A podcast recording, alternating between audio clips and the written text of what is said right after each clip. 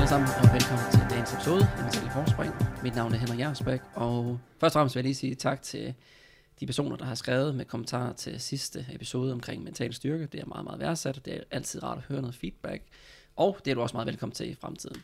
Og i forhold til det med, at folk skriver nogle kommentarer, så skrev vi faktisk også en besked ud, Alex, omkring, hvad synes I derude, der er spændende at høre om inden for det mentale område. Og der var så en del faktisk, der har skrevet omkring præstation, omkring pres, eller hvad? Ja, omkring præstation, pres, øh, pres for trænere, pres for, ja, alt muligt. Det, øh, ja, og det er jo dagens emne, er det ikke, Henrik? Jo, jeg, jeg tænker, vi sådan, øh, da vi sad og snakkede om det tidligere, så, så kan man sammenfatte det i hele et, et, øh, en kategori, der hedder præstationspres. Som du siger, om det er øh, pres fra træner, om det er ekstern pres fra fans, fra medier, fra landstræner, eller det er intern pres fra dig selv, det er sådan set underordnet. Det er bare et stort pres. Så på den måde synes jeg egentlig, det er... Ja, selvfølgelig skulle vi gribe om det også, i og med, at der er mange, der har skrevet det, men jeg synes også, det er noget af det vigtigste faktisk. Altså det er pres, fordi at der er ikke nogen, uanset hvilket niveau du er på, som kommer udenom presset. Og dem, som kommer udenom presset, altså så er det faktisk for mig lidt en indikator på, at jamen, så er du ikke på et højt nok niveau. Altså fordi så er du blevet dygtig nok til det her nuværende niveau, ja. og du trænger til at komme på et højere niveau, fordi at hvis du ikke oplever pres, når det gælder, når det virkelig, virkelig gælder for det, som er vigtigst for dig i dit liv, om det er tennis, fodbold eller amerikansk fodbold, eller hvad det så er, så vil der være en eller anden form for pres. Ja. Og, og så er pres også bare enormt spændende, fordi at pres er også det, der skaber fantastiske resultater og fantastiske præstationer. Altså det, øh, det er sådan lidt en, en del af opskriften for, at man indfrier, indfrier sit potentiale. Men samtidig så er pres også noget, som kan dræbe drømme. Og det... Øh, Absolut. Og det er jo sådan lidt, altså... Altså skal man virkelig bare tage den der positive tilgang til, at ah, men, øh, nervositet det er godt, og pres det er positivt, og du skal bruge det på en god og konstruktiv måde, og sådan noget, hvor man slet, ja, der er noget af det rigtigt nok, men det er saftsus også svært, ikke? og det er virkelig, virkelig hårdt, og for nogle personer og spillere, så bliver det meget invaliderende, så man ender faktisk med at blive en anden udgave af sig. Og jeg synes også, det er sådan lidt, når de sad og reflekterede en lille smule over det, at pres er også noget, som skaber mindre værd. Altså det er noget, der kan sørge for, at, at jeg faktisk føler mig som ikke værende god nok, blot på grund af, at jeg oplever nogle emotioner, nogle, nogle tanker, nogle følelser inde i kroppen. Og det, øh, ja, det er jo for mig en årsag til, at det her det er så spændende og vigtigt, fordi, at, fordi vi alle sammen oplever det. Og det er, det er en del af, det er en del af kravet til dig, hvis det er, du skal indfri det, du egentlig gerne vil, hvis du skal gå imod din drømme. Altså hvis du vil gå imod din drømme i sportens verden, men også uden for sportens verden, jamen så kræver det, at du kommer i et eller andet pres, og du også kommer lidt ud af en comfort zone, hvor at, at det er svært at være, og det er usikkert at være, og øh, du kan frygte noget, du kan være nervøs for noget, og, og det skal vi simpelthen øh, komme, lidt, øh, komme lidt dybt med, og jeg synes jo også, det som jeg sagde sidste gang, er, at øh, vi er så mange dygtige danske atleter inden for alle mulige sportsgrene, men vi skal blive endnu bedre. Altså, Ja. det, det er derfor, det hedder mentale forspring, det er, fordi vi skal blive endnu bedre til vores sport, og det skal vi gøre igennem det mentale. Lige præcis. Og der er, som du siger, pres for alt. Pres, øh, jeg synes egentlig, for mig, der var det nok øh, træner, pres. Det var aldrig familie og sådan noget, de havde ikke lagt noget pres. Det var egentlig meget fedt. Holdkammerater har selvfølgelig lagt pres, at øh, siger sådan, altså for mig som målmand, så er det altid sådan, åh, kom nu, vi skal holde clean sheet og sådan noget. Og det, hvis man lagde for meget fokus på det, så gav det også bare et pres om, at hey, de må ikke score nogen gange. Der kan du bare ikke kontrollere, om de sparker den op i hjørnet, eller der er en anden, der laver straffespark, og straffespark, de er ret svære at, at redde, så det er derfor, jeg også synes, at det er et meget interessant emne, og ja, pres kommer i alle mulige forskellige former. Det kan være, at det rammer dig, at du ikke kan sove. Det kan være, at du kaster op. Øh, Jeg havde en situation, hvor jeg ikke kunne sove, og jeg har nogle, kender nogen, hvor altså, jeg fysisk har kastet op på grund af det. Så Henrik, Ja, må jeg bare lige sige noget? Altså, fordi at der, der, er nogle, der er nogle årsager til, at pres det kommer. Mm. Og nogle gange kan, kan det godt ske, at øh, man som spiller oplever, at det kører rigtig godt, og ind i en god periode, og så lige pludselig bliver man i anfølgelsestegn sat et skridt tilbage, fordi at nu oplever jeg lige noget, som er svært, noget, jeg er nervøs med noget, noget jeg ikke kan. Altså, hvad, hvad foregår der lige nu? Men, men nogle gange, så det, det er ikke en rigtig måde at se det på. Det er bare sådan lidt, nogle gange skal du godt være på en god bølge og ride på den, og så er det gået godt i fire uger, og så kører det bare ud af. Men, men hvis det så er, at du oplever lidt modgang, lidt setbacks, og der er et eller andet, der ikke lige er, som det plejer, så er det ikke, fordi du er et skridt tilbage, eller to skridt tilbage. Så er det bare et udtryk for, at det lige stiller nogle krav til dig. Det stiller nogle klare krav, om du skal gøre noget, som skal få dig igennem den her nuværende præstation, og måske også, du skal gøre noget, som kan få dig til det næste niveau.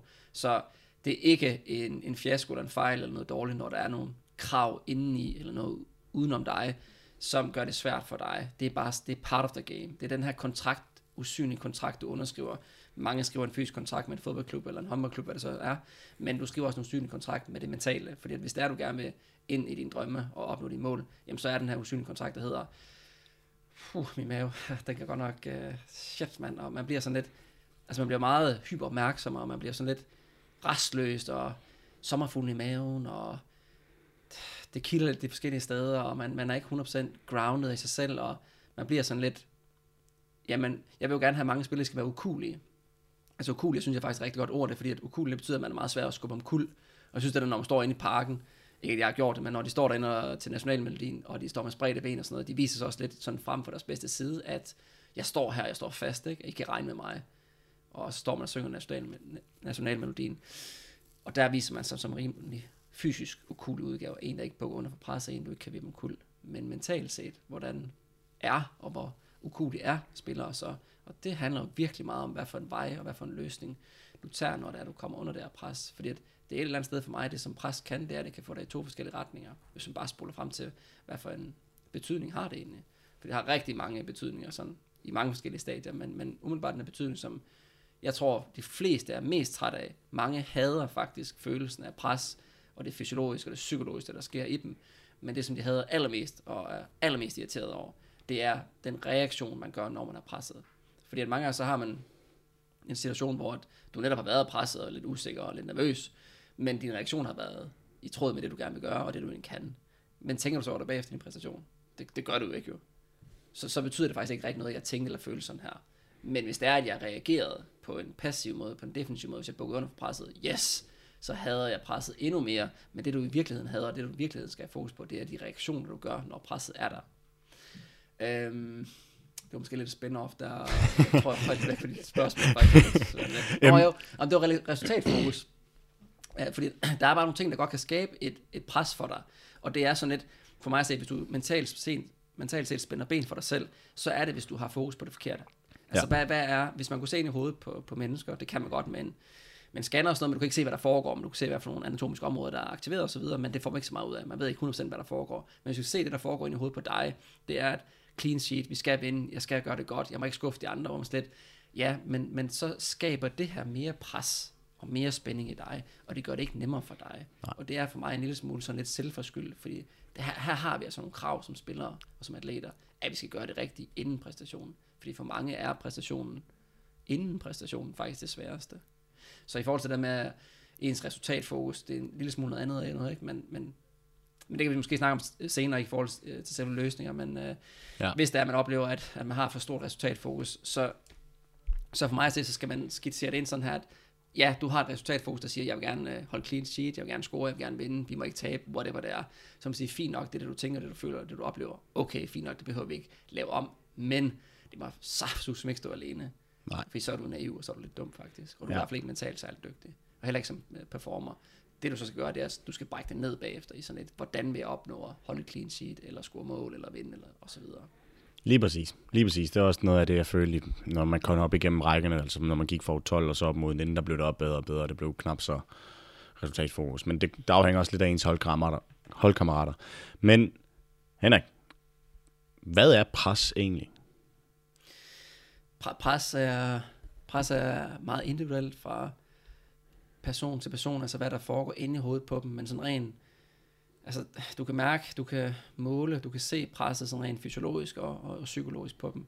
Altså fysiologisk vil du have sådan en udskillelse af adrenalin, og du vil også have en udskillelse af kortisol, ikke? hvor man kan sige, at adrenalin, jamen det er jo sådan lidt, det, hvis du nu tager i Tivoli, eller der sker en vanvittigt, ikke? Altså, så kan, får du også et boost af adrenalin, og det, hvad gør det så, når du mærker adrenalin, altså den hormonelle forandring, at du får mere adrenalin i kroppen?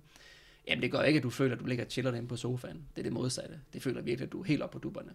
Og det er jo også positivt nok jo. Og det samme også med kortisol, altså det, det får også øh, en tilstrømning af ja, glukose, af, af sukker ud i blodet, som gør, at du er klar til at lave et stykke arbejde. Øh, kortisol er også et stresshormon, kalder man det til daglig, ikke? men kortisol er også det, som får dig ud af, ud af sengen om morgenen. Altså, så, så det er også det er ikke negativt, det er bare det, der er. Men der kan man godt se som rent fysiologisk, at hvis der kommer en stigning i det, så er det måske fordi, at hjernen, altså det hele starter faktisk for hjernen, at som begynder at opfatte en eller anden situation, altså jeg skal noget her, der er en eksamen for mig, der er en præstation, der er et eller andet vigtigt, om jeg skal på en date, eller jeg skal til tandlægen, eller hvad det er, så kan der pres komme på mange forskellige måder og fasonger.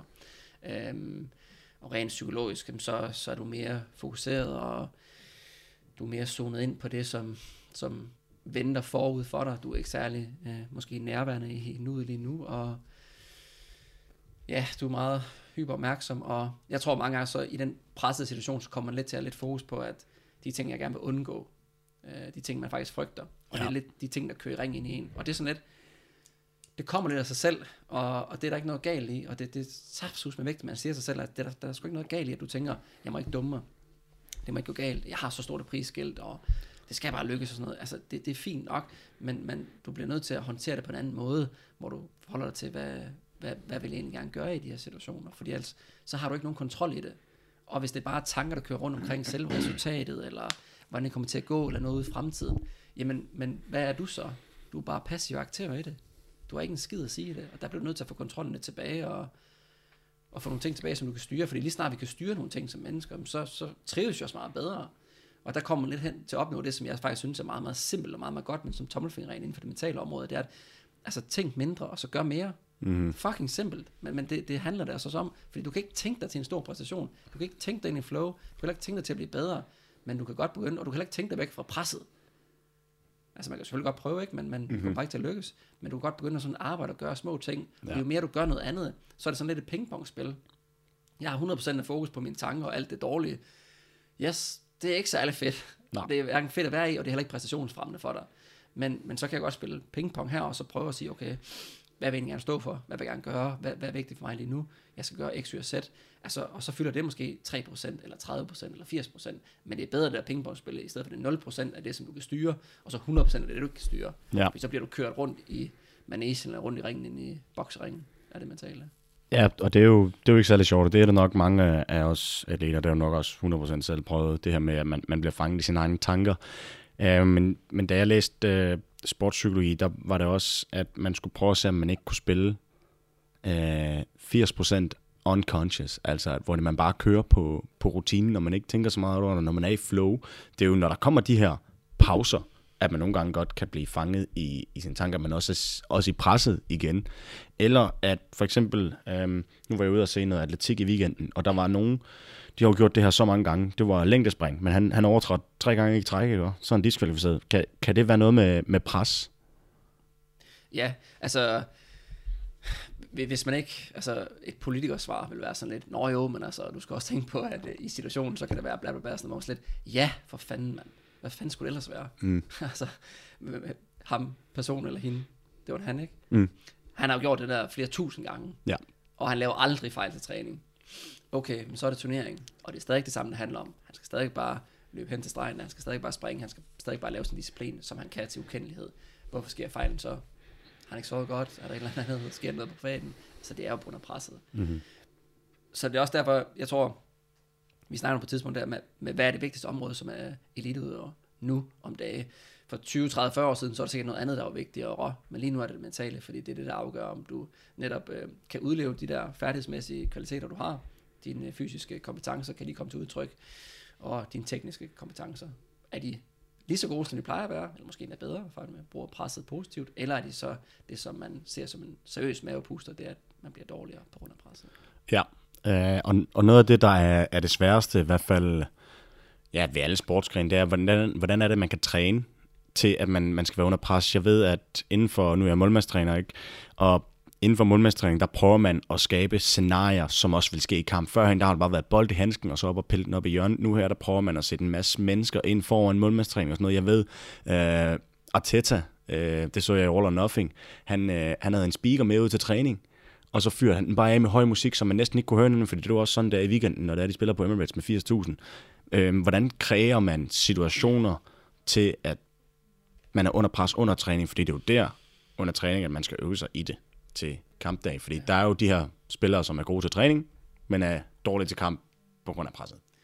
Øh, træningsveltmeister, tror jeg, man kalder det i Tyskland. Ja, Men øh, nok, klassisk eksempel faktisk, det, det har jeg ikke set, det der med Arteta. Men altså, men der kommer den der morale, som man sikkert har læst på Instagram nogle gange, der med practice the way you want to compete. Ja. Og, øh, og hvorfor det? Jamen, men, men hvis du ikke practice the way you want to compete, jamen så er det ikke overførbart. Så, så du kan sagtens blive dygtig til at lave noget uden pres, og uden stress, og uden følelser på spil, og uden tankemøller, men, men så bliver du god til det. men så bliver du ikke god til at præstere med det. Så det er da klart med at gøre det så, altså man vil kalde det en simuleringsoplevelse. Ja, præcis. Så det vil sige, at øh, hvis jeg skal holde en tale for 100 mennesker, og så står jeg og gør det derhjemme i stuen, ikke? Jo, men det er da fint nok, ikke? Men det er bedre end at gøre det inde i hovedet. Men, men hvis du så kan gå hen et eller andet sted, hvor der er 100 stole, jamen, så er det endnu mere simuleret den oplevelse. Men, men, men du skal prøve at sørge for, at det bliver simuleret i den forstand. Selvfølgelig behøver du ikke træne på Old Trafford, hvis du skal spille på Old Trafford dagen efter, og det, det er et stort pres for dig.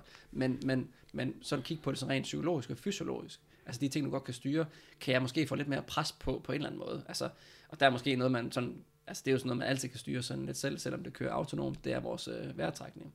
Mm-hmm. Og du trækker vejret på en anderledes måde til kamp, end du gør til træning. Og der kan man selvfølgelig godt sige, at jamen, kan man trække vejret lidt mere hyperventileret, så man får en hurtigere vejrtrækning. Det i gang sætter også alle mulige andre processer fysiologisk ind i kroppen.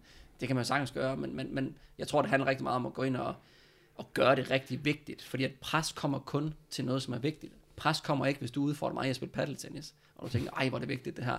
Altså, det er meget minimal pres, kunne jeg forestille mig, fordi det er lidt hyggeagtigt.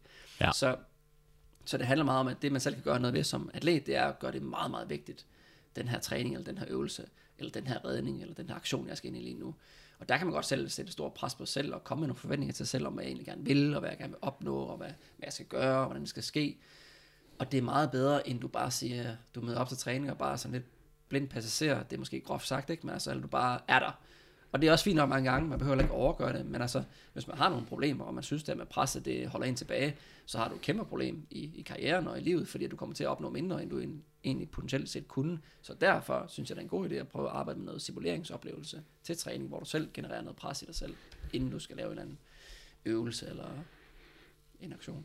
Ja, Ja, der har vi for eksempel i, i mundmandstræning sagt, at øh, det er den sidste rep, der er den vigtigste. Og det er for eksempel, hvis der du kører seks reps igennem med en eller anden øvelse, så den syvende det er altså, den er lige så vigtig som den første.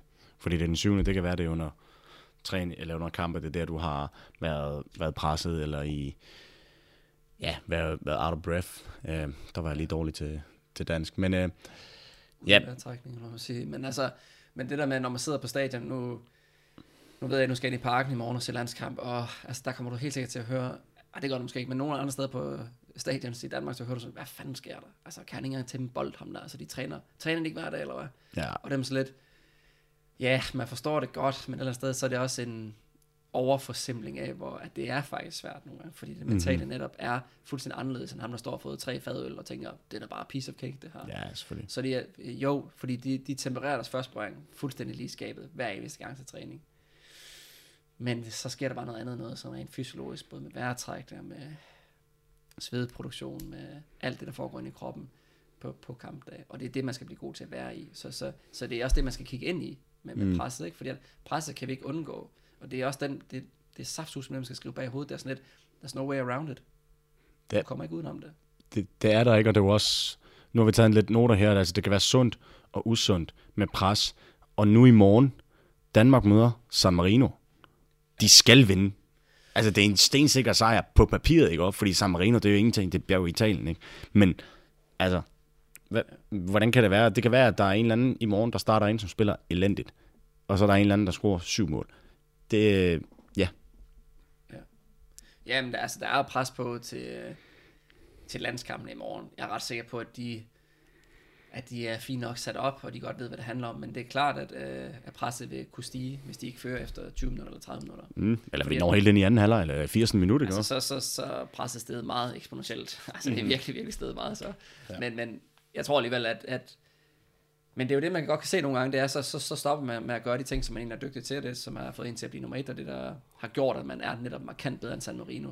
Og så begynder man at spille lidt på deres præmisser, og de får blod på tanden, og de mærker her faktisk noget at gøre. Så der handler det om at for mig så handler det mange om at keep it simple.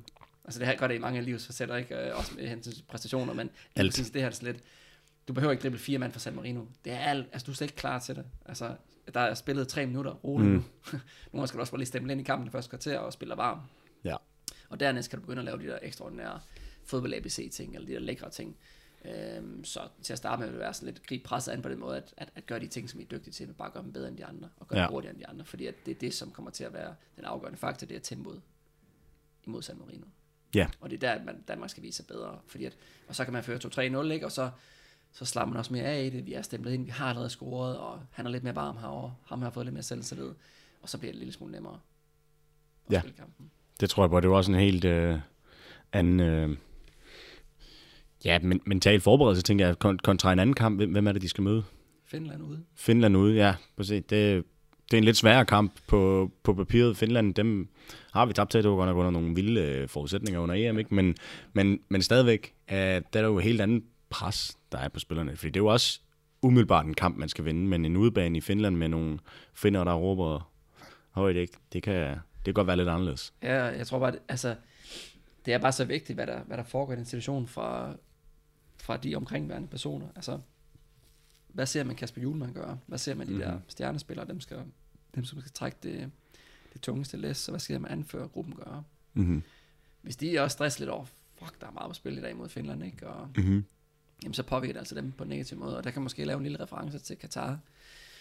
Altså, ja. jeg synes jo, der var alt, alt for meget øh, opmærksomhed på nogle af de ting, som var irrelevante for selve præstationen, og for mange af spillerne var jo lidt, altså det var ikke, de lå jo ikke søv- søvnløse over, at øh, de, de var dernede jo. Det var ikke Nej, nej. spillerne, der gjorde jo. Men, men det fik bare for meget opmærksomhed for dem. Også fra nogle af dem, som måske burde være bedre til at sige videre, vi gider ikke bruge tid på det her nu, nu snakker vi om nogle andre ting. Øhm, ja, så i morgen er det vigtigt, at, øh, at presset bliver håndteret Ja. ud fra keep it simple strategien, tænker jeg. Det, det lyder godt, men med hensyn til, til VM, der var der jo også pres for os alle sammen, fordi nu nåede vi så langt til EM, og alle sammen, øh, de tænker bare, at vi vinder VM, og det gjorde vi jo overhovedet ikke. Men for lige at gå videre, øh, pres kan være sundt og usundt. Hvad er sundt pres? sund pres, jamen det er det ikke, altså, du kan næsten sige, at det er det samme, men, men jeg tror meget, det, det er mængden af det, og intensiteten af det, hvor man siger sådan lidt, altså du vil jo opleve, at øh, du er meget fokuseret på dine præstationer, der er sindssyge forventninger til dig udefra, der er krav til dig og sådan noget, men alt det der sådan lidt eksterne pres og forventninger, det kan du mange gange med to indvendigt, så det interne pres og forventninger, det er faktisk større end det, der er udadtil. Øhm, men øhm, for uden det, Det er foruden det. Ja, foruden det. Men, men, men presset er, øh, er sundt øh, ofte set, men det er mere sådan, hvis, hvis det går hen og bliver destruktivt, og ja, du begynder at blive syg, og det bliver sådan mm-hmm. en lidelse, du kan kaste op, og du ikke kan sove om natten, og det invaliderer dig, og det har stået på i flere dage, og du er en zombie i 3-4 dage før din konkurrence, eller før din kamp og sådan noget, så begynder det selvfølgelig klart at blive usundt. Ja. Og der, der er også bare sådan en lille mental tommelfingerregel igen, ikke? Altså, altså den der præstation, du har om 3-4 dage, som, som du er kampnervøs for, ikke? at du er klar til at præstere den allerede nu, hvis den skulle blive fremrykket til om en time. Du er ja. klar. Så, og, og du bliver ikke mere klar ved at overspekulere tingene og tænke endnu mere på det. Det er ikke der, du kommer til at præstere det bedste. Øhm, så, så pres bliver for mig usundt, når det er, det har en destruktiv virkning på individet, på, på spilleren, at, at øhm, ja, de opnår, eller oplever, at de, de bliver en anden udgave af dem, måske sådan rent adfærdsmæssigt, og de trives dårligere.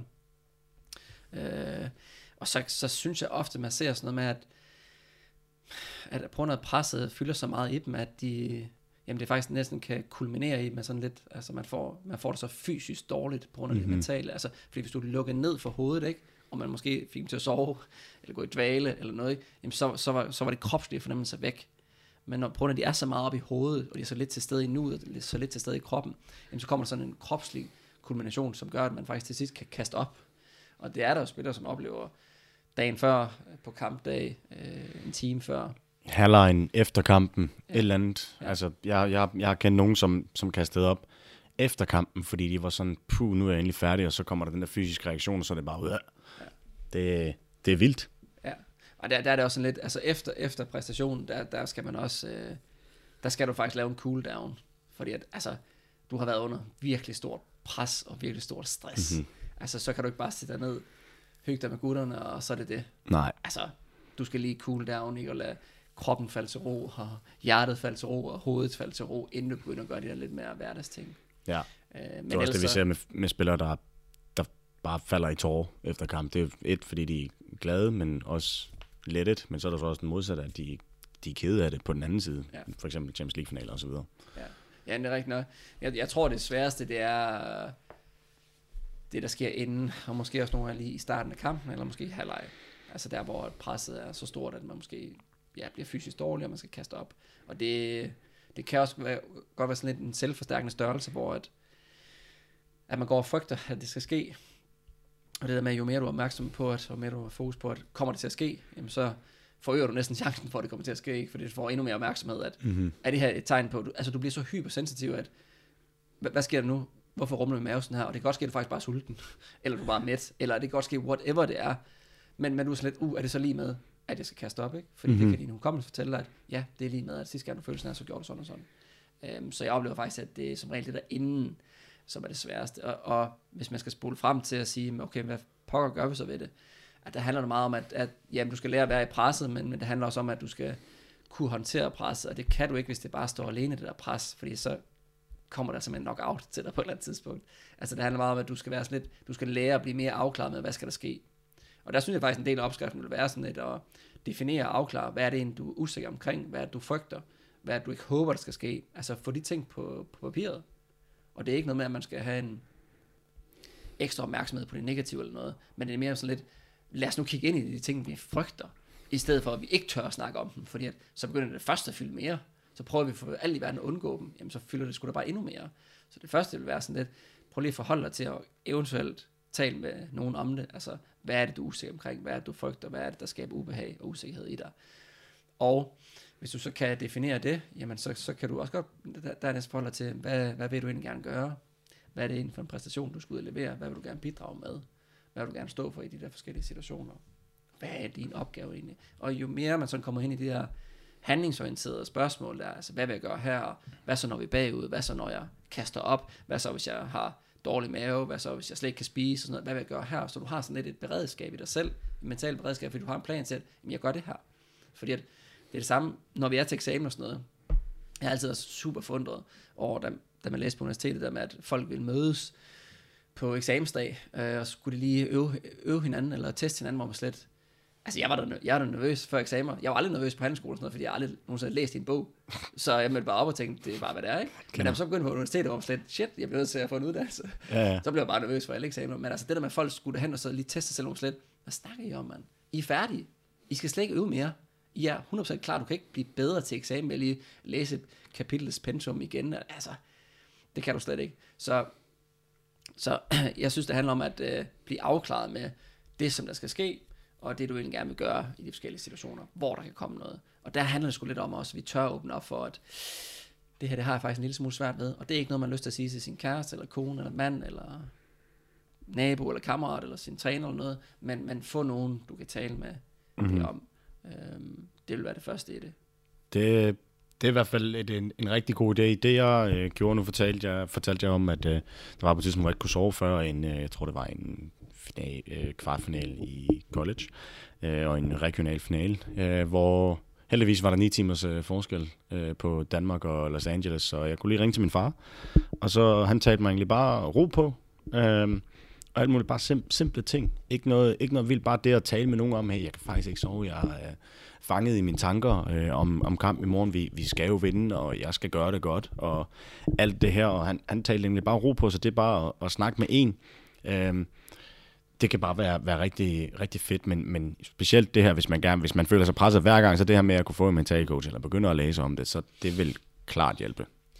Ja, jamen altså, som du siger, det, det, det kan bare være rigtig fedt, hvis det er, at man har det, nogen som har, jeg kan sige, den indsigt eller den rolle, som din far han så havde der.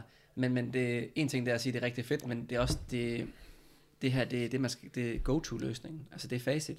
Det er det. Det nytter ikke noget, at din far siger, du prøv at gøre sådan her i stedet for at komme med gode råd og sådan noget, og det vil vi mænd bare gerne gøre. Specielt mænd. Ja. Kvinderne kommer hjem og siger, Kender. fuck min chef, han er bare en idiot, eller ej, var det træls, det der skete, og hende her og min veninde sådan her, eller manden kommer og siger, ej, jeg kører slet ikke på arbejde, jeg kan slet ikke få noget job, og whatever det er. Altså, det der med, at vi instinktivt bare går i løsningsmode. Rolig. Altså, for mig er det underminerende for den person, du taler til, at du siger, har du prøvet at gøre det der, prøv at gøre sådan her og sådan noget, komme med gode idéer, men vi vil jo gerne hjælpe. Altså, det, ja. det kommer godt hjerte, ja. men det hjælper ikke. Det, de har brug for, det er faktisk bare lige en shoulder to lean on, hvor man slet, jeg forstår sgu godt, jeg skulle godt forstå, at der er noget pres på. Det er, det er også din største kamp indtil videre, ikke? Ja. Hvad, hvad tænker du egentlig med det? Og hvordan har du forberedt og hvad skal der ske? Og kan du prøve at tale mig igennem, hvad der skal ske i morgen? Og hvad vil du gerne gøre? Og hvad frygter du kommer til at ske? Og hvordan har de andre det? Og, altså, kom ind i alt det der i stedet for, hvor man slet, nå okay, så okay, der er ikke nogen, der dømmer mig der faktisk. Og så, så, så, så kommer skulderen lidt mere, lidt mere ned for atleten, mm-hmm. fordi man bare får i tale sat tingene. Ja, der, der, der er tit, man godt kan se nogle gange på, på nogle spillere, hvis deres øh, skuldre er trukket lidt op mod ørerne, eller at, jeg ved også, der er en, øh, fysiologisk ting med, hvis det er, at man kan se meget af ens øh, hvide øjenæbler, så øh, kan man, er man stresset. Øh, mig og min far havde engang en samtale med, med en cykelrytter, øh, og vi, vi, vi snakkede egentlig bare om det hele. Øh, og hans øjne, det var sådan, at vi kunne godt se meget under hans øjenfarve. Der kunne vi se rigtig meget af hans hvide øh, i øjenæblet. Og, og det betyder simpelthen, at, at personen er stresset. Han sad også med skuldrene lidt op, og så går der fire dage, så har vi en samtale med ham igen. Og der var han bare sådan mere ret i sin holdning, og øjnene var lidt bedre, han så mere frisk ud og sådan noget. Det var bare super spændende at se, så der er også nogle fysiologiske træk ved det her. Så vi har snakket løsninger på, hvordan man kan gøre det her, men hvad kan der ellers være? Kan det være, at man, man skal, i stedet for at fokusere alt for meget på sig selv, og pres, og pres for træner og alle mulige andre for holdkammerater, hvad, hvad med sådan noget som at, at bare ja, være, være en god holdkammerat, for eksempel? Hvordan, hvilke løsninger vil du foreslå mere, ud over det, du har nævnt? Mm. Øhm, det er måske en dårlig måde at starte på at sige, der er mange måder til at håndtere det på, men, øh, men en af det ene, jeg vil sige, hvis du som lytter, eller du som atlet, du er en, som øh, tænker rigtig meget over tingene, og overreflekterer ting, og har en tendens til at gøre det til en lidt større størrelse, end det behøver at være, og du også synes, at jeg er nok min egen værste fjende, og jeg burde øh, være lidt bedre med mig selv. Altså, der foregår måske lidt for meget ind i hovedet på dig, øh, som så medfører, at du spænder ben for dig selv. I de der situationer, så er min erfaring i hvert fald, at det er bedre, at man bare forholder sig til at være et eller andet. Og det kan sagtens være, at du forholder dig til at være øh, lyttende eller støttende til nogle af de andre, eller være en god holdkammerat over for ham eller hende, den nye eller den unge, eller noget i den stil. Altså man bare forholder sig til at være noget, fordi vi kan altid være noget. Jeg tror, jeg nævnte sidste gang med det der med øh, 2. verdenskrig, det der med, hvor det kommer fra, altså mm. det logoterapi. Altså vi skulle altid være noget. Altså der, der sad de altså i 2. verdenskrig og, og var slaver i tyskernes arbejdslejre, hvor at de så, der så kom ham, der Viktor Frankl så frem med den der logoterapi, hvor man så finder ud af, at altså, det der med at skabe mening for dig selv, altså skabe mening lige nu og her, men det gør også, at, at hvis du har en mening i den der svære, svære præstation, som venter forud for dig, hvor der er kæmpe, kæmpe ydre og kæmpe, kæmpe indre pres, men hvis du har noget forhold til at sige, det er det her, jeg vil være, det er det her, jeg vil, jamen så har du, altså, så har du selve opskriften foran dig. Det er meget nemmere, end du bare står og tænker slet, fuck, det hele sejler bare. Og så bliver du bare kørt lidt rundt i manesen, og så, så bliver det ikke verdens fedeste oplevelse. Så håber du faktisk bare det på det bedste. Men, men så det kræver meget, at vi, vi har den opskrift til, at hvad vil jeg gerne stå for at være. Og det synes jeg mange gange bare, at det er det simple, i stedet for at det er nogle konkrete ting, du skal gøre, og du skal opnå noget. Det, det, det behøver det ikke at være. Fordi hvis du er meget refleksiv, så bare forholder til at være et eller andet. For ellers bliver det for kompliceret. Du skal også gøre det der, og du kan være ham, der gør det, eller du kan være hende, der gør sådan her. Bare forholde til at være en eller anden bestemt udgave af dig. Og der handler sådan lidt om, men hvem skal jeg være?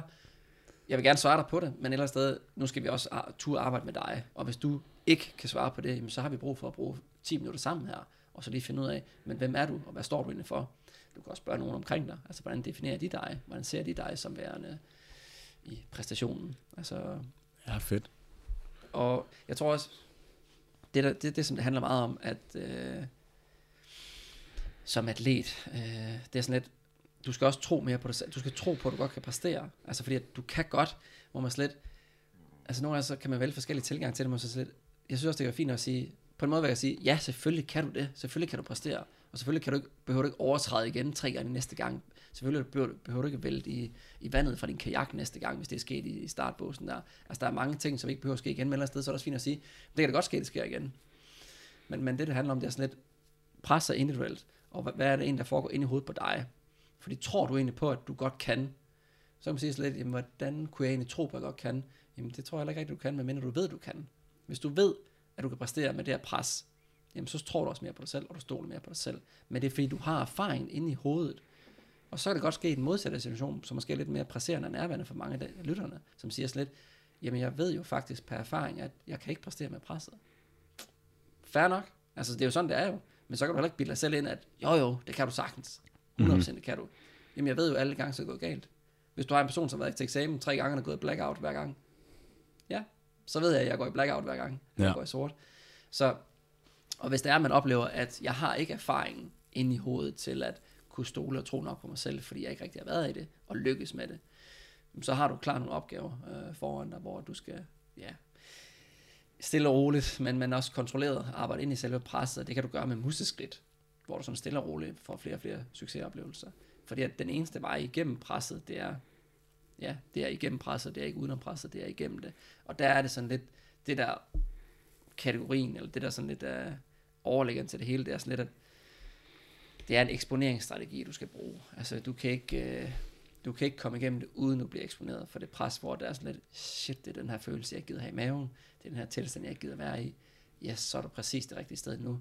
Præcis det rigtige sted i forhold til at blive en bedre udgave af dig.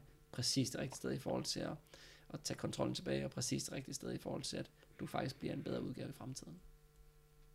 Det er mega gode eksempler, jeg sidder her, og hver gang du, du kommer med nogle fede eksempler, så er det bare sådan, okay, hvad har jeg egentlig gjort i den situation, og hvad har jeg gjort i den situation, og det leder bare tankerne videre, og det er jeg også sikker på, at lytterne også øh, sker for dem, så nogle gange, altså hvis der er I derude, oplever, at øh, I lige har brug for at tænke lidt ekstra over et eller andet, så bare stop podcasten, øh, reflekter over det, kør videre med, med tankerne, og så kør videre, når I er klar igen til at, at lytte videre på, på de ting, Henrik han kommer med, fordi det er, det er super spændende, og det er ikke bare lige noget, man, man lærer efter den her episode, hvordan man håndterer pres.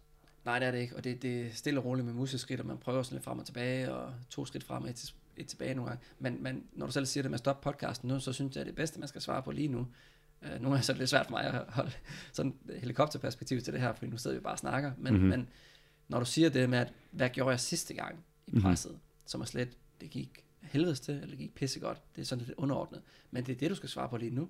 Skriv ned, hvad gjorde jeg sidste gang? Ja. Dagen før, på dagen, og da jeg mærkede det, da jeg følte det, og bum bum bum. Skriv det ned, fordi det er bare dig. Det er jo sådan, at du er. Og så se det sort på hvidt. Det er præcis dig, det her. Og så kan du også ned forholde dig til, hvis der står sådan syv punkter, og en af punkterne med fem linjer og sådan noget, hvor man slet, hvordan kan jeg gøre noget af det bedre? Mm-hmm. Hvad vil jeg egentlig gerne prøve at ture og forsøge næste gang, lige præcis i forhold til, så de der syv punkter ikke præcis gentager sig næste gang. Men det bliver, bare meget, det bliver så meget mere håndgribeligt og relaterbart, når du kan se det nede foran dig, i stedet for det bare inde i hovedet på dig. For når det er bare inde i hovedet på dig, så er det bare fyldt med de associationer og dårlige øh, fornemmelser og svære følelser og sådan noget, hvor det bare slet, åh, det magter jeg bare slet ikke igen, og så genoplever man det faktisk. Altså det der med, når man putter den samme plade på igen ind i hovedet, så har vi sgu ikke rigtig lyst til det. Men få det ned på papir, så tager du igen kontrol over det, der egentlig skete, og du tager kontrol over det, som eventuelt kan ske for dig, som er mere fordelagtigt i din præstation næste gang. Ja, præcis. Så skriv det der ned. Skriv det ned. Jeg, jeg gjorde det faktisk også i, i college, hvor det var, at jeg faktisk havde lavet en, jeg havde en lille notesblok med til kamp, og som jeg sad og læste i bussen på vej til kamp, når jeg på udebanetur, og på hjemmebanetur, der læste jeg den så bare derhjemme inden, hvor jeg skrev ned en masse punkter. Øh, hvem vil jeg være i dag? Hvordan vil mit udtryk være? Og så havde jeg lagt tre, fundet tre eksempler øh, fra kampe, hvor jeg var dominerende, hvor jeg var god med fødderne, hvor jeg var en god holdkammerat, hvor jeg var rolig og spillede mit spil, hvor jeg ikke kogt over. Nogle gange så skete det jo stadigvæk, nogle gange så laver dommeren et eller andet, og så kan man ikke lige hurtigt nå at stoppe sig selv. Men, men de her ting med, at jeg skrev det ned, det gjorde mig egentlig bare mere selvsikker, og jeg følte, at presset gik, gik væk fra mig, i og med, at jeg godt vidste, at jeg havde gjort det før i andre kampe og sådan noget, at ja. Det er så diffust og så ukonkret og så svært at håndtere, når det bare er inde i hovedet. Men når du får ned sort på hvid, altså har vi sgu alle sammen gået i folkeskole i Danmark, ikke? og så er vant til at se på den opgave om slet. Det bliver nødt til at forholde dig til. Og så er det heller ikke værre, så er det heller ikke raketvidenskab. Hvis du kan se, at øh, to timer før, eller fem timer før, så, øh, så sad jeg bare overspændt helt vildt i kroppen, ikke? og brugte mm. en masse energi på det, og kunne slet ikke komme væk fra tankerne og sådan noget. Ja, det brugte du så tre timer på. Ja. Der, er det, der kan du godt gøre noget andet næste gang. Det kan man 100%. Der kan man tænke lidt mere over, ja, som, som du har sagt, altså, hvad være i dag til, til kampen, til atletiksamlingen, øh, til i, i bassinet. Vil jeg være en, der er nervøs og kommer til at 20 start, eller vil jeg ja, være en, der, hvad, hvad der er være, confident? Hvad vil du være, når du er nervøs? Mm-hmm. Altså, fordi du må gerne være nervøs, og du må gerne være presset. Ja, hvad vil du være, mens du er presset nervøs? Mm-hmm. Men det, som det også handler om i forhold til det at skrive ting ned, det er slet, altså dyb indånding, så bare sådan lidt, altså vil du virkelig ind i presset? Altså vil du virkelig ind i pressets ubehag? Det er fandme ikke rart. Nej. Jeg vil da aldrig, altså det har jeg da ikke lyst til. Der er der ikke noget i mig, der siger, om det gør ikke noget, det kommer. Jeg vil gå alt for at undgå det. Det er ikke fedt. Men, men, men det er sådan lidt det, der åbner døren, det er det der nøglen til det, som du egentlig gerne vil.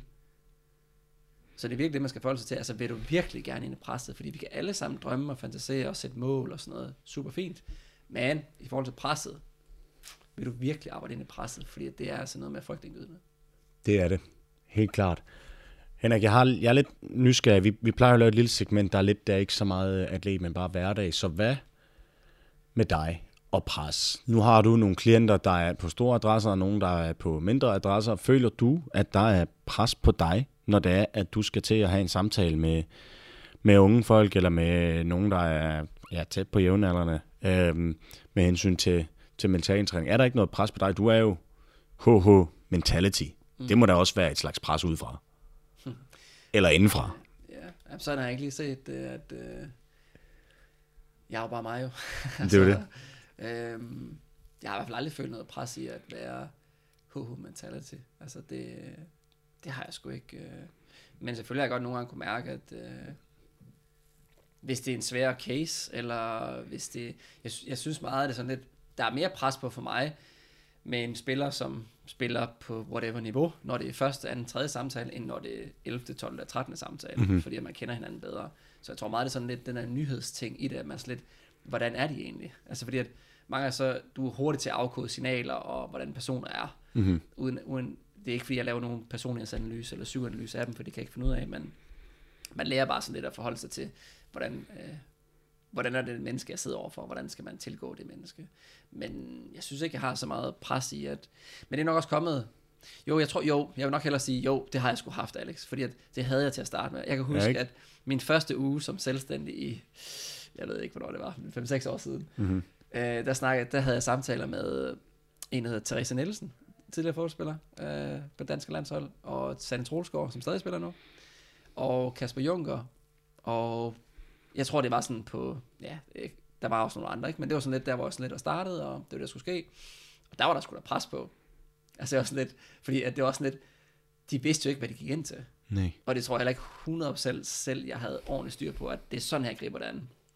Nu ved jeg 100% hvordan jeg griber tingene an, og hvis der kommer et eller andet fuldstændig ud af det blå, og sådan lidt, at så er der det her kæmpe problem. Okay, det er jeg ikke regnet med, men du har set det før. Og den der, det, det er jo min erfaring i, at om det har jeg set før. Og det har også været min strategi til det her, at jeg har faktisk sagt ja til stort set alle cases, hvis jeg føler, at vi kan arbejde sammen som mennesker, og det giver, det giver mening for den klient eller spiller, som sidder overfor mig, at arbejde med mig, og jeg også godt føler, at jeg kan hjælpe vedkommende. Så har jeg ikke været for fin til at sige, sige nej til en 11-årig e-sportsudøver, som, har, som er autist eller noget. Altså, jeg har sgu taget det hele. Altså, jeg har virkelig set det på den måde, det der med, at jeg gider ikke være ham der, som sidder og siger, det her det er roadblock cases, altså det er sådan nogen, der forhindrer mig i at blive den bedste udgave af mig, mm-hmm. hvor at dem her, hvor de er så talentfulde og sådan noget, åh, oh, det er dem, der får mig til at komme frem i verden, det gider jeg ikke. Jeg har bare sagt, jamen jeg vil gerne være der for alle dem, som har lyst til at arbejde med det, øh, også fordi så kan jeg lære mest muligt. Og så har jeg også haft cases, hvor nogen har meget alvorlige traumer og forstyrrelser og øh, ja, meget, meget sådan dybe, svære, svære ting, ikke? Og har været selvmordstroet, og har også haft en, en diagnose på, at livet slutter og sådan noget, altså hvor man slet, det er noget helt andet, ikke? Og der kan være ADHD, OCD, autisme, altså mange andre sådan lidt mere hverdagsting nu her. Er der så også et, et pres på dig med det? Ja, det er der, men jeg har faktisk, jeg har egentlig sørget for at uh, tage forventningerne en lille smule væk fra mig selv, fordi at jeg er bare ved at lære, og det synes jeg også mange, uh, mange atleter, de skal huske på, at du, du er bare under uddannelse. Jo. Du skal bare blive en bedre udgave af dig, og det gør du bedst ved at være pisse skarp det, du laver nu, og prøve at tilsidesætte alle de der urealistiske forventninger om, du skal vinde, du skal være den bedste. Altså, jeg har meget grebet an sådan lidt. Øhm, er jeg god nok til mm-hmm. at hjælpe ham eller hende? Ja. I stedet for, så, så vil jeg hellere sige til mig selv, hvordan kan jeg bedst muligt hjælpe Alex? Han mm-hmm. er 27 år, han er sådan her, han har de her udfordringer, hvordan kan jeg bedst muligt hjælpe ham? Ikke? Altså, det bliver meget mere handlingsorienteret for mig. Så i stedet for, er jeg god nok til at spille i Manchester United? Altså, hvordan kan jeg bedst muligt skabe en god oplevelse for mine holdkammerater, skabe en fed atmosfære for og en fed oplevelse for fansene, hvordan kan jeg bedst muligt steppe ind i kampen, altså noget, som du kan dykke ind i, noget, som er handlingsorienteret. Øh, ja. Ja. Jeg kanon, ikke, kan, fra. nej, kanon svar, altså det her med at sætte uh, små uh, delmål og fejre de små sejre, man, kan jo, man skal jo ikke bare have et stort mål om at være verdens bedste målmand i min case. Det var det, jeg sagde som lille. Jeg skal være verdens bedste målmand. Der, jeg skal have brug for nogle delmål. Jeg kan ikke bare sige, at jeg skal være verdens bedste. Uh, det er lidt svært. Nej, Uden delmål og små fejringer og sådan noget. Ja, fordi du glemmer det også på et tidspunkt, og der, der kan du altid forholde dig til, men prøv at forholde dig til, hvad du er ikke anderledes, øh, men det er nemmere at være dig, øh, for mig at se, øh, som, som lytter, det er nemmere at være dig, end det er for ham eller hende, som er OL-atlet. Altså, de skal kæmpe om noget om fire år. Ja. Altså, det er der, de skal være klar, ikke? Prøv, tror du, det hjælper for dem at sige, at jeg vil gerne vinde, eller gøre det godt til OL, hvis der er tre halv år, eller to halv år tilbage? Altså, det glemmer du lige med det samme jo. Ja. Altså, og der bliver du nødt til at brække det ned i de her bidder, hvor man slet, okay, den her uge, så er det det her, det handler om. Mm. Og det gør man jo også sådan rent. Den her træning, der er det det her, det handler om. Eksempelvis, ja. ja. Og måske også sådan lidt mere sådan, jeg ved ikke, om man kalder det mesoperspektiv, men altså, den her cyklus på fire uger eller på fire måneder, så er det det mm. her, mhm. det handler om. Og det handler ja. kun om at bygge muskelmasse, eller bygge styrke, eller her mm. handler det om at lære at komme ind i mere pres, eksempelvis, step by step. Altså, så det bliver mere håndterbart. Ja. Mega fedt.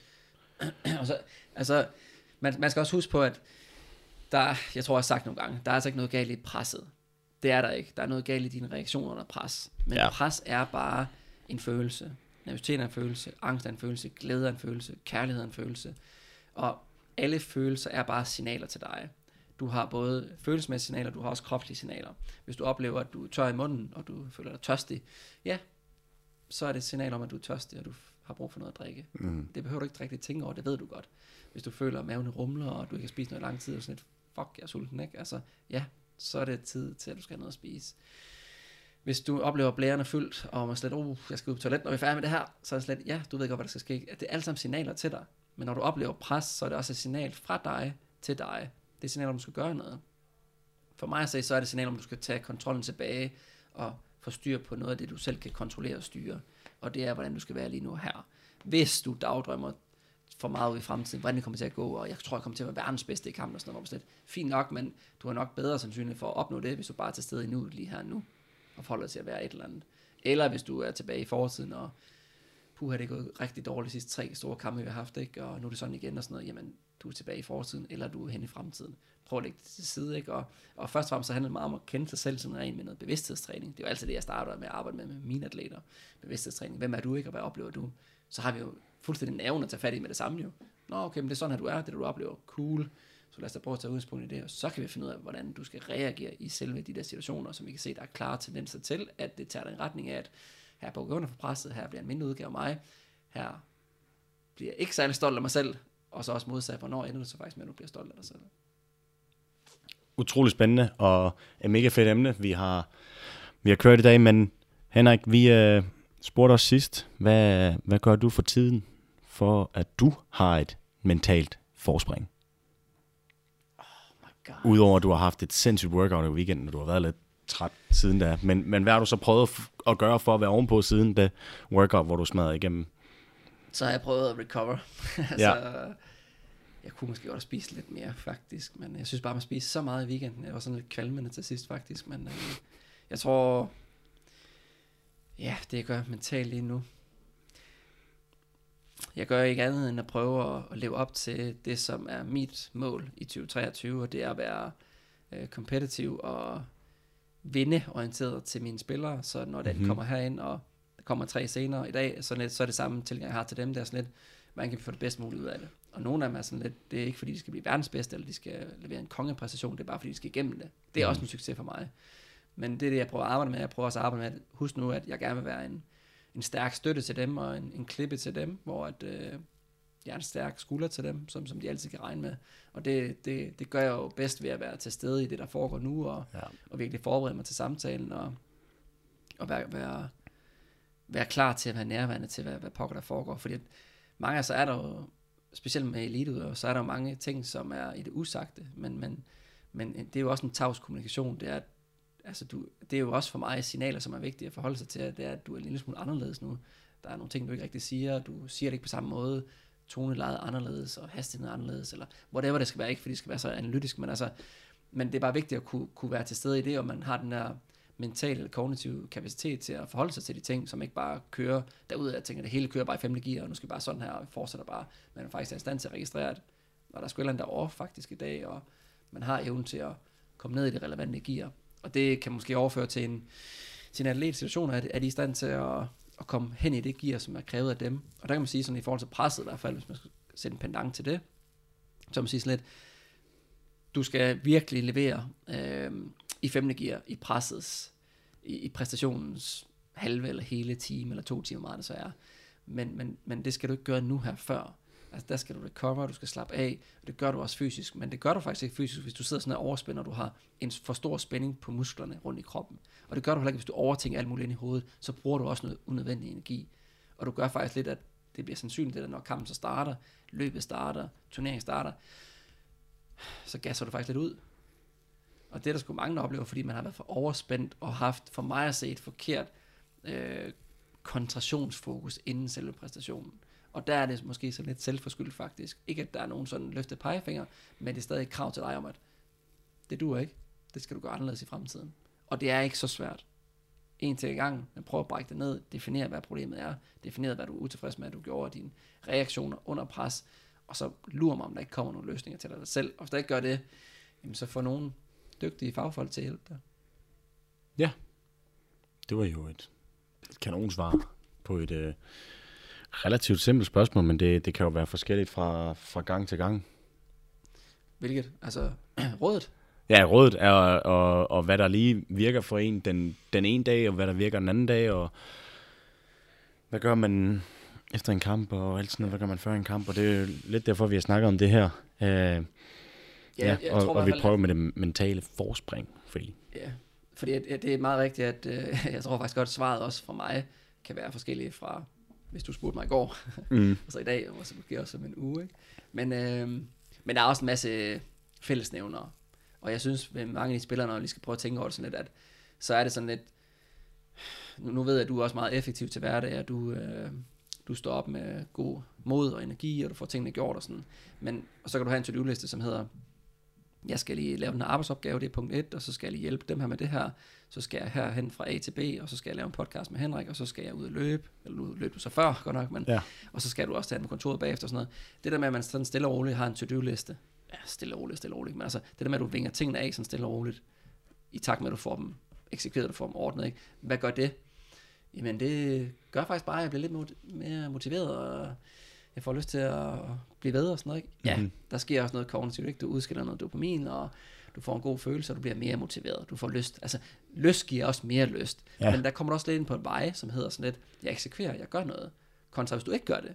Jeg har en to-do-liste, der hedder, jeg skal det her, jeg skal tage koldt bad, jeg skal spise sundt, jeg skal meditere mm. her om morgenen, jeg skal også lige læse 20 minutter om morgenen. Men du gør ikke noget af det. Så er du også på en dårlig vej allerede nu, ikke? Ja, øh, præcis, og det er faktisk lidt... Det med to-do-liste, det, det gør jeg sgu ikke mig meget i, særlig meget.